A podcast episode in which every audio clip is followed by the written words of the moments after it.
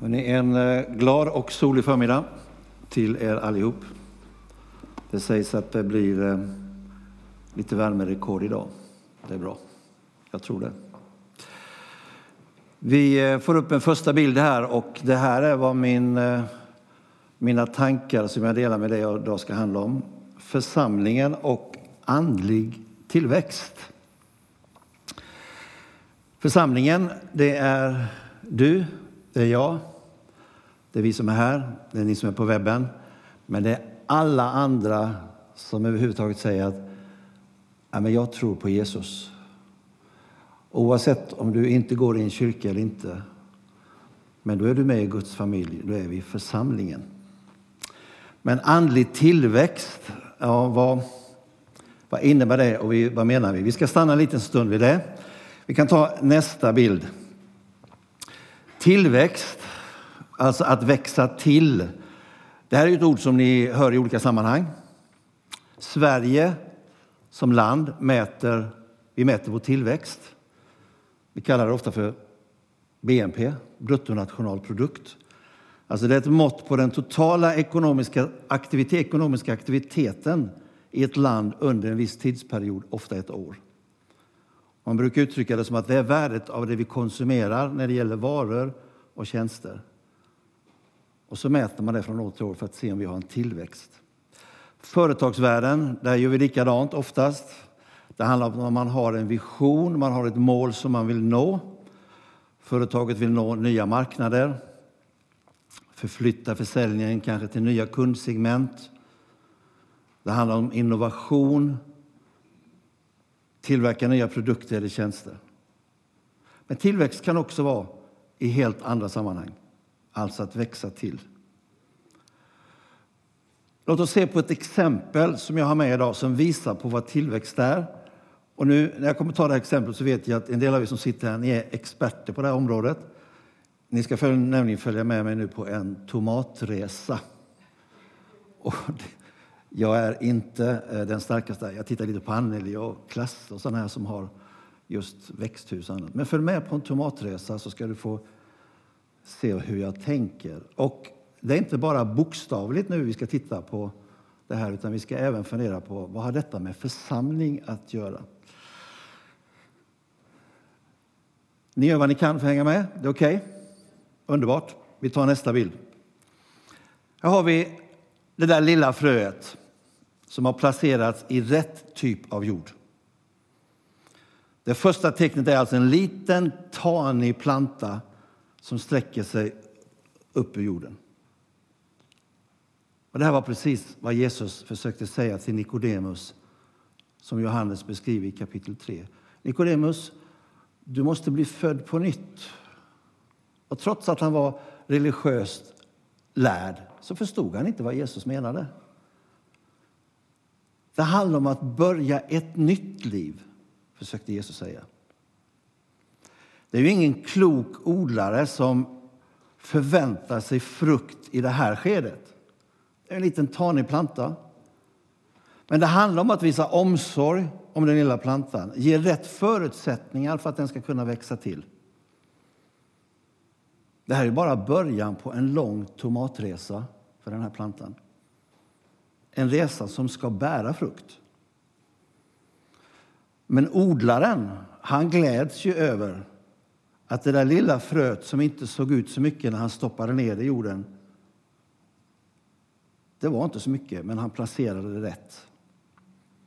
På samma sätt så gläds Gud verkligen över varje person som blir född på nytt, som säger jag vill börja ett nytt liv med dig Jesus. Det blir en ny skapelse i Guds rike. En ny skapelse som behöver omsorg, Absolut, där den står med rötterna i den rätta jorden. Vi tar nästa bild.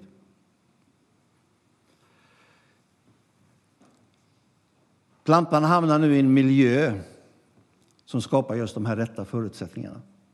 Ett växthus som i sin uppbyggnad och sin form ger plantan precis den ombonad som den behöver. Det är ett växthus som släpper in ljus Ett växthus som är fullt transparent för insyn utifrån, insyn inifrån. Det är ett växthus som alstrar värme och ger värme och det påskyndar tillväxten. Guds tanke är att församlingen, du och jag, ska få vara just ett växthus som alstrar värme och som ger värme. Guds tanke är att församlingen är som en kropp. Paulus beskriver det i några av sina brev. Ingen del i kroppen är för mer eller större eller viktigare än någon annan. Utan alla delarna behövs. Och alla delarna har sin speciella uppgift. Jag är ganska övertygad om att Gud ser på sin församling, alltså du och jag, oavsett vad kyrkan heter. Men vi som har sagt att jag vill, jag vill vara en medveten Jesus efterföljare. Alla vi. Då tror jag att Gud ser att vi ska vara som ett växthus där den här lilla plantan både får sin plats, har sin plats och får den omvårdnad och den omsorg som just skapar tillväxt. En tillväxt som leder till att det kommer att bli frukt så småningom. Precis den frukten som var ämnad från början. Vi tar nästa bild. Men där i växthuset där finns det hjälpmedel. Det kan se ut så här, som på bilden. Det är hjälpmedel som har till eh, uppgift att göra det lättare för varje planta att just nå sitt mål. I växthuset så finns det en genomtänkt struktur som ska hjälpa plantan att växa i rätt riktning. I växthuset har du de rätta lamporna, armaturerna som kommer att ge just det rätta ljuset för plantan. Just det där ljuset som gör att plantan behöver olika ljus i olika faser i sin tillväxt. Och växthuset har ett ledningssystem som bevattnar på ett alldeles rätt sätt. Det finns alltså ett ramverk som är framtaget för att ge plantan de rätta och de bästa förutsättningarna. Ramverket, strukturen, organisationen det ger ingen tillväxt i sig själv. Det är just ett hjälpmedel.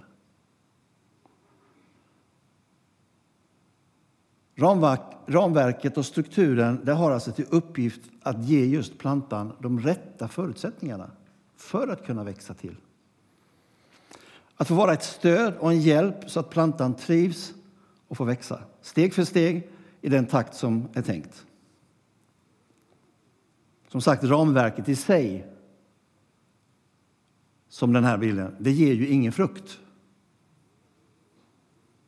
Och den församling som är ett bra växthus, om vi nu håller oss till vår församling, vi som sitter här just nu, en organisation en kultur, inte minst. Och även en strategi som gör, eller ger varje planta en, just en varm miljö där den får växa. Då blir det bra, dag för dag. Och när vi gör det här, och då tar vi nästa bild, då händer det någonting. Jag hoppas alla ni nu tomatexperter fortfarande följer med och säger att ja, men det, det kan stämma hyfsat väl. För så en dag så står den här. Det gråa ramverket, det finns där. Den genomtänkta strukturen. Det är inte längre så grått nu och ensligt, för plantan har flyttats från sin första lilla kruka med god jord till en större kruka med mer jord och mer näring. Och ståtligt reser sig nu plantan med sitt grenverk mot himlen uppburen av just den här strukturen och det här ramverket. När alla förutsättningar hamnat rätt så sker något förunderligt, nämligen plantan börjar ge frukt vackra tomater börjar synas på grenarna. Och det är inte vilken frukt som helst, utan just den frukt som var tänkt från början. Just när det lilla fröet placerades i jorden. Här har vi Guds tanke med församlingen. Det är inte församlingens ramverk, organisation, inte ens den kultur vi har, alltså med den värme som vi möter nya människor. Det är inte det som egentligen har fokuset, utan det är du och jag. Den här lilla, som var en liten planta från början, att vi ska få vara just ståtliga planter som växer dag för dag. Och så ser man, det här ger ju frukt. Och Jesus sa det. I den goda jorden, sa han, när det är sått, då kommer det där lilla fröet att bära frukt hundra gånger mer. Vi tar nästa bild. Så i det här stora växthuset har det inte bara blivit en vacker rad utan flera olika rader och alla sträcker sig mot skyn och de ger frukt i hela växthuset. I långa rader står nu den ena plantan efter den andra och frukten dignar vackert som ett bevis för att hanteringen har varit genomtänkt och rätt från början. Växthuset ger hela tiden det skydd och det ljus och den värme som är tänkt. Och Gud vill att alla hans växthus här i Tibro, den här kyrkan, andra kyrkor, andra samlingar där just människor träffas och säger vi har det gemensamt. Vi är glada att vi får säga att vi är medvetna Jesus efterföljare. Där har du just den här lilla samlingen, växthuset som behövs. Och De här genomskinliga glasrutorna som du ser på växthuset och som jag hoppas ska vara i församlingens växthus, det gör ju att de som passerar förbi de ser ju att det finns ett resultat i växthuset. När alla i vår kommun tittar på det här växthuset som ligger mitt i centrum vid busstationen eller busshållplatsen så går man förbi och så ser man inte huset, inte organisationen utan man ser just dig och mig. Och förhoppningsvis säger man, hörni, vad bra. Det här verkar ju hända någonting. De gör någonting. Det ger frukt. Det blir synligt i ditt och mitt liv. Och mängden av frukt det är långt, långt mycket mer än det där lilla fröet som placerades i jorden en gång i tiden. Och Det fantastiska är att den här plantan kommer att ge ny frukt om och om igen. Det är vad som händer. Och till och med de unga, bänk två, vi inkluderar alla i bänk två, de unga, så är det så att ni kommer, så unga ni är, att en vacker dag får säga Åh, vad roligt! Och någon säger Du, vad bra att du fanns här. Du ger frukt i ditt ungdomssammanhang där du finns. Och du som nu säger att Nej, men jag är långt fram i livet. Jag är en ganska gammal planta. Jag har varit med länge. Antingen i det här växthuset eller i andra växthus. Tro inte för en sekund att du håller på att tyna bort eller dö ut. Nej, nej, nej. De äldre plantorna de ger bara mer och mer frukt varje år när strukturen och ramverket och växthuset fungerar. Och De här äldre plantorna de ger så mycket frukt så en vacker dag när plantan inte ens är kvar i växthuset utan har gått in i ett himmelskt växthus. Då vet jag inte ens hur det ser ut. Men jag vet att vi har några plantor i den här församlingen som har gått vidare. Och jag tror att de möter en synlig levande Jesus som säger Du, vad bra! Vilken fin planta du har varit hela tiden. Vilken frukt du har gett.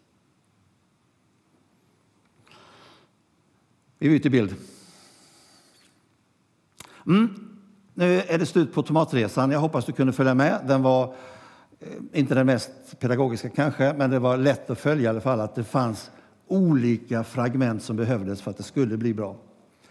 Om vi då, som rubriken säger, om vi tänker på andlig tillväxt, vad säger Guds ord? Ja, men vi stannar först vid ordet andligt. Tillväxt har vi pratat om, men andligt, vad är andligt?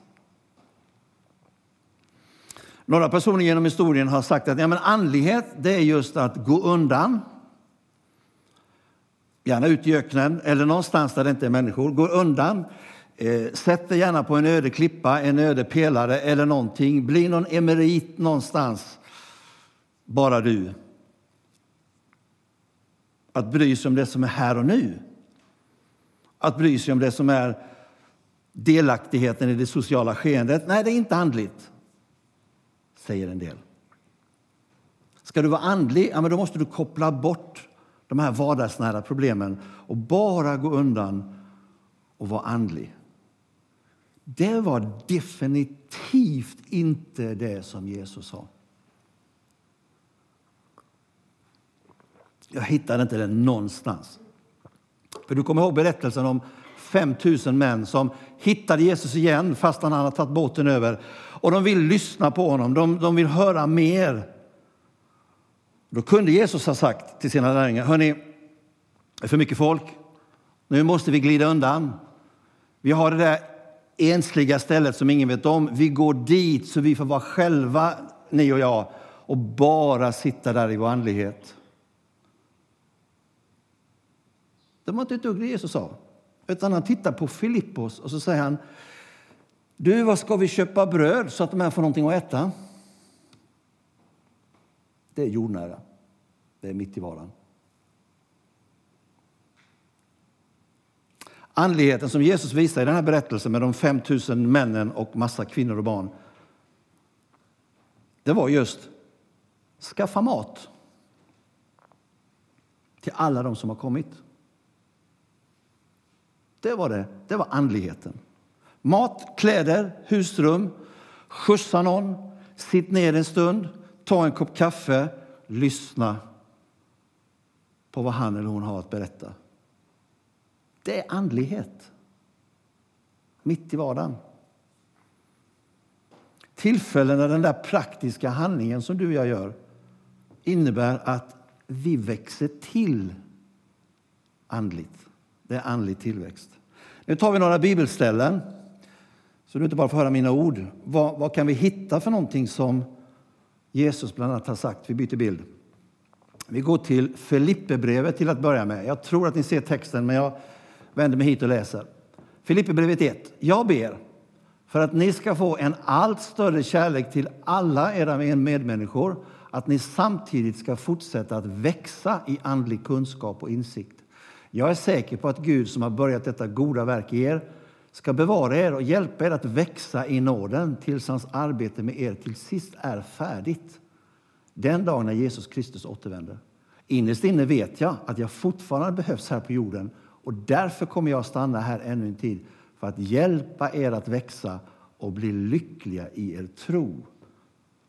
Så skriver Paulus till vännerna i Filippi. Han talar om att växla, växa i andlig kunskap och insikt, att växa i nåden, att växa och bli lyckliga i er tro. Nästa bild och några bibelställen till. Men den goda jorden, säger Jesus i Matteus 13, den goda jorden liknar den människas hjärta som lyssnar till budskapet och förstår det och går ut och för 30, 60 eller till och med hundra andra in i Guds rike. Andlig tillväxt är alltså att se behoven gå ut. Vi har hört det här, vänner, hundratals gånger.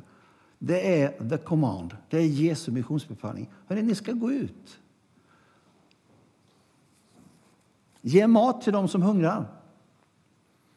Hjälp till med kläder till dem som behöver. Ta en promenad med den som behöver ha en vän att promenera med. Sitt ner och lyssna. Och när du känner att det här är rätt tid, ge de goda nyheterna. För du har dem. Evangeliet, de goda nyheterna.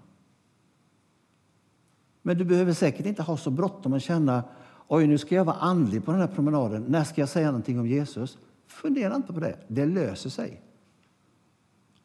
Jag hade en sån tillfälle vid ett tillfälle för ganska många år sedan när jag trodde att nu är det läge och jag visste precis vad jag skulle säga. Och det klack till i hjärtat och jag tror att det var den helige Ande som sa nej, nej, nej Pelle, håll igen. Det är inte nu. Bara var vanlig. Prata vanligt. Det är vad som behövs just nu. Vi läser vidare. Kolosserbrevet säger ni litade på att Kristus skulle frälsa er, ha samma grundmurade förtroende för honom vad det än gäller i ert liv. Då får det stadga och tron kommer att växa. Låt era liv flöda över av glädje och tacksamhet för allt han har gjort. Jag älskar det här uttrycket. Ni har hört mig tidigare nämna det. Alltså att ha ett grundmurat förtroende för Kristus. Då säger han, det får det, då får det stadga som gör att tron växer. Här skulle vi kunna lyfta nu fler och fler bibelställen. Vi gör det inte idag med tanke på tiden. Men vi som församling, vi ska verkligen då få växa andligen. Och då är frågan, var befinner vi oss idag? Om vi nu håller oss till just det, det som är Tibro pingst, de flesta av oss som är här i alla fall, och jag tror att kanske merparten av er som lyssnar på webben, ni känner till den här kyrkan. Var befinner vi oss? Ja, vi har ju en vision, den kan vi. Nära Jesus. Det är bra. Det är en förutsättning. Nära varandra. På fredag tränar vi. Slåss inte vid tacosbordet, utan säg kanske att du kan gå före. Och gärna hålla avstånd om vi behöver. Och så sätter jag mig och äter tacos där jag inte brukar sitta och äta tacos. Så träffar jag just dig och så säger jag, du det var roligt, vi brukar inte sitta och äta tacos ihop. Det är nära varandra. Och sen har vi nära världen. Det är det tredje ordet i vår vision. Så bra!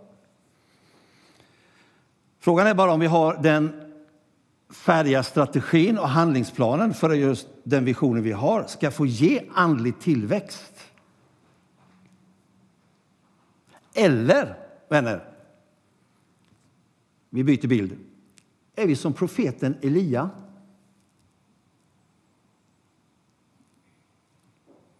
Och då tänker du, Elia och ginstbusken. Och nu ser ju alla då eh, trädgårdsvänner att det där var ju ingen ginstbuske, men låtsas att det var en ginstbuske. Alla vackra bilder vet ni också att de är alltid eh, lånade av Patrik som har tagit dem. Men det är en vacker bild. Men jag ska landa lite bara kort med Elia. Elia i Gamla testamentet, första kungaboken 17, 18, 19. Det är jättespännande att läsa. Han var med om fantastiska saker. Elia han säger till kung Ahab, det kommer inte att regna förrän jag säger det och Gud säger det. Och det blev helt torrt. Det blev så torrt så att när Elia låg vid bäcken så till och med tog vattnet slut fastän han serverades av korparna. Men vattnet tog slut och han fick gå vidare. Och då kommer han in i en stad där han ser änkan i Sarefat, så heter stan. Och så säger han, du, du ska baka en kaka åt mig. Jag har så lite mjöl och så lite bröd. Och nu ska jag baka det till mig och min son och sen ska vi lägga oss och dö. Nej, säger Elia, du ska baka den, men du ger den till mig först. Så ska du märka att det kommer aldrig fattas bröd, eller, förlåt, mjöl eller olja oavsett hur länge torkan håller på. Det fortsätter med att Elia får utmana Baalsprofeterna. Det här kan ni. 400 profeter säger vi vet hur det ska vara. Och jag tar inte den berättelsen nu. Och när han går ner från berget Karmel så har det visat sig att Gud har gjort ett fantastiskt mirakel. Och den här lilla Elia-profeten har fått vara med. Men det irriterar drottning Isabel så mycket som säger att hälsa honom att jag ska döda honom så fort jag kan. Nu kommer vi. Elia springer iväg.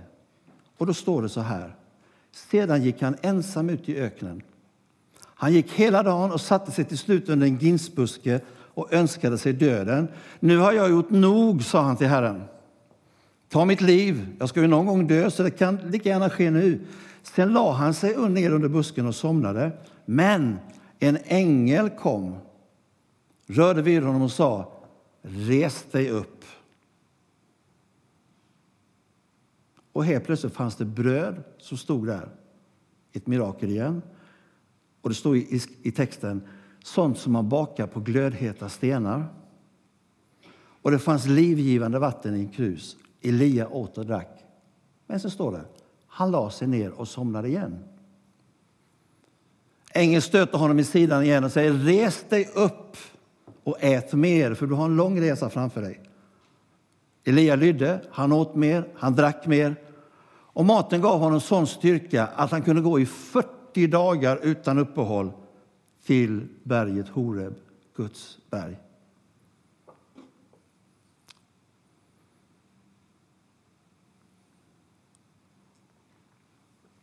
Läs gärna vidare i Första Kungaboken. Jag ska inte stanna där mer.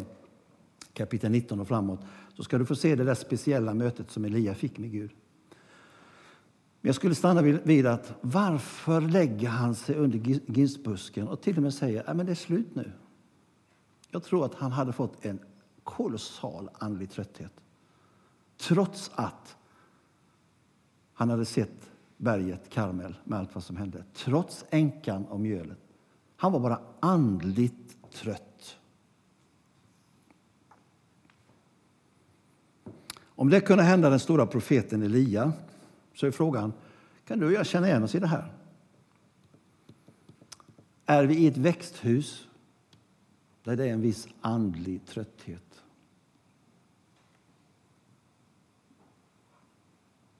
Det blir ingen handuppräckning på det.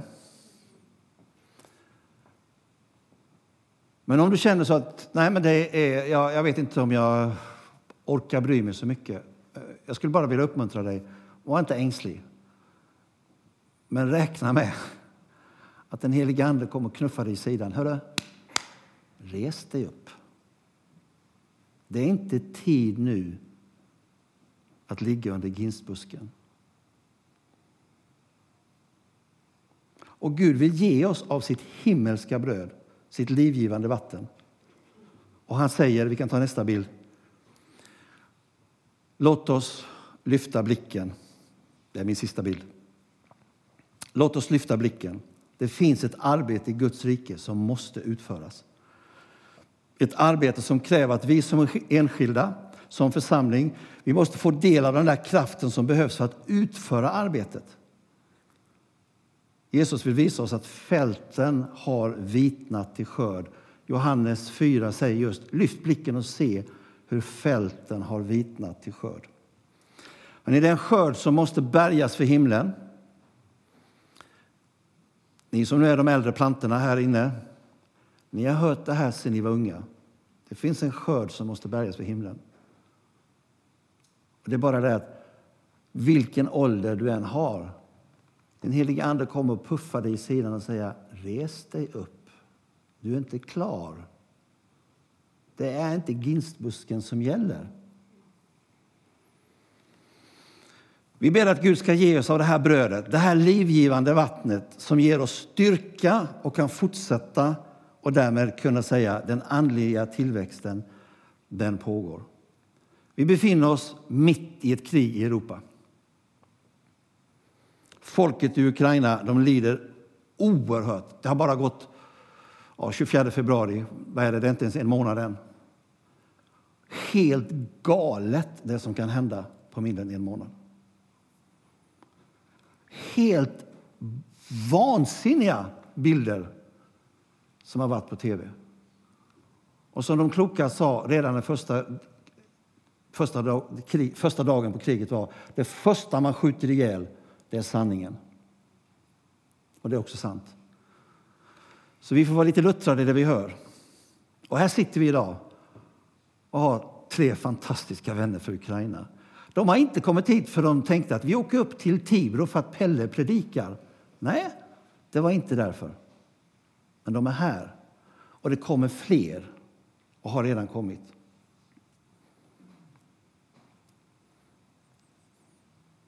Och de behöver dig och mig på olika sätt. Det kommer att vara ett arbete framöver vänner, som är precis mitt i vardagen. Som väntar för att just möta de som kommer hit.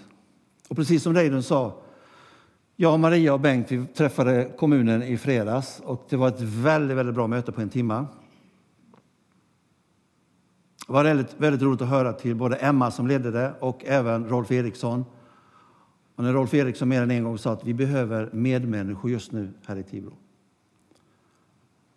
Och det sista när Rolf skulle försöka säga någonting så la han handen på hjärtat och gjorde så här. Nej, nu stockar det sig, sa Rolf, men ni förstår vad jag menar. Jag blev väldigt glad när jag ser ett sånt kommunalråd. Det var en väldigt bra diskussion, samtal mellan alla kyrkorna, Ekumenia, Kroppetorp, vi, Svenska kyrkan. Det var ABF, det var Föreningspoolen, det var ja, fler.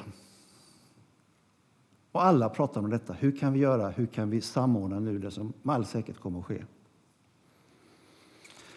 Hörrni, det är eh, tid för att eh, fundera på hur den här kyrkan ska få vara en öppen kyrka. Inte bara söndag klockan 10.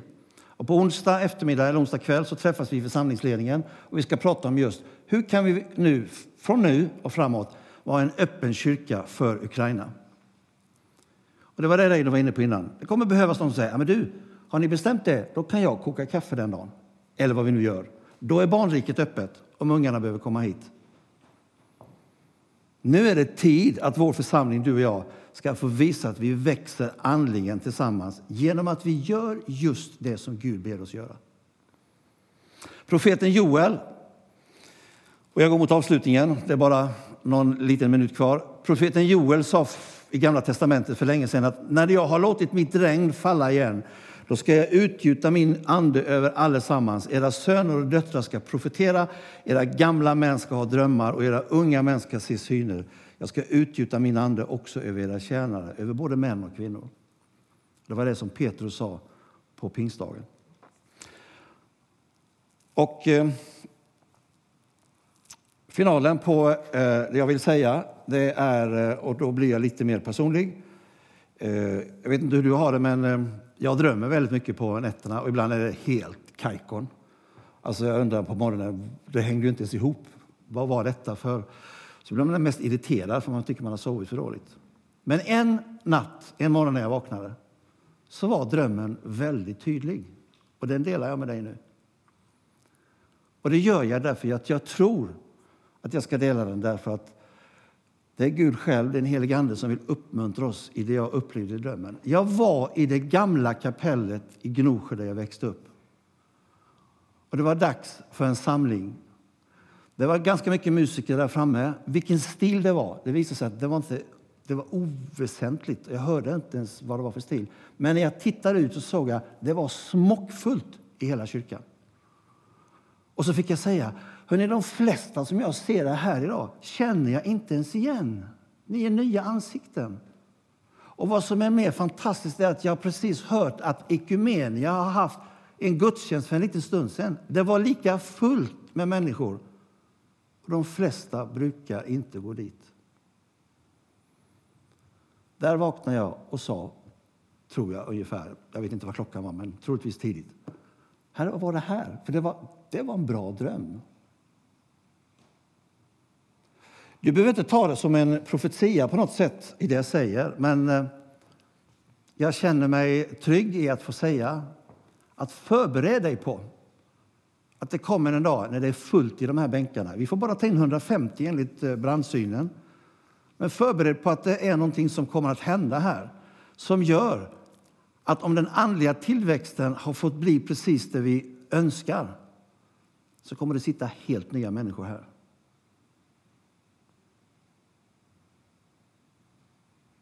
Amen. Tack Herre för att vi får eh, vara mitt i vardagen. Vi får, eh, vi får vara i det växthus som du har inrättat där du finns med, helige Ande, och vill hjälpa oss på bästa sätt. Tack för att du ska hjälpa oss att vi lever ut vår andlighet, gemenskap med dig varje dag i det praktiska. Ta hand om det som ligger närmast i tiden. Välsigna oss var och en. Amen.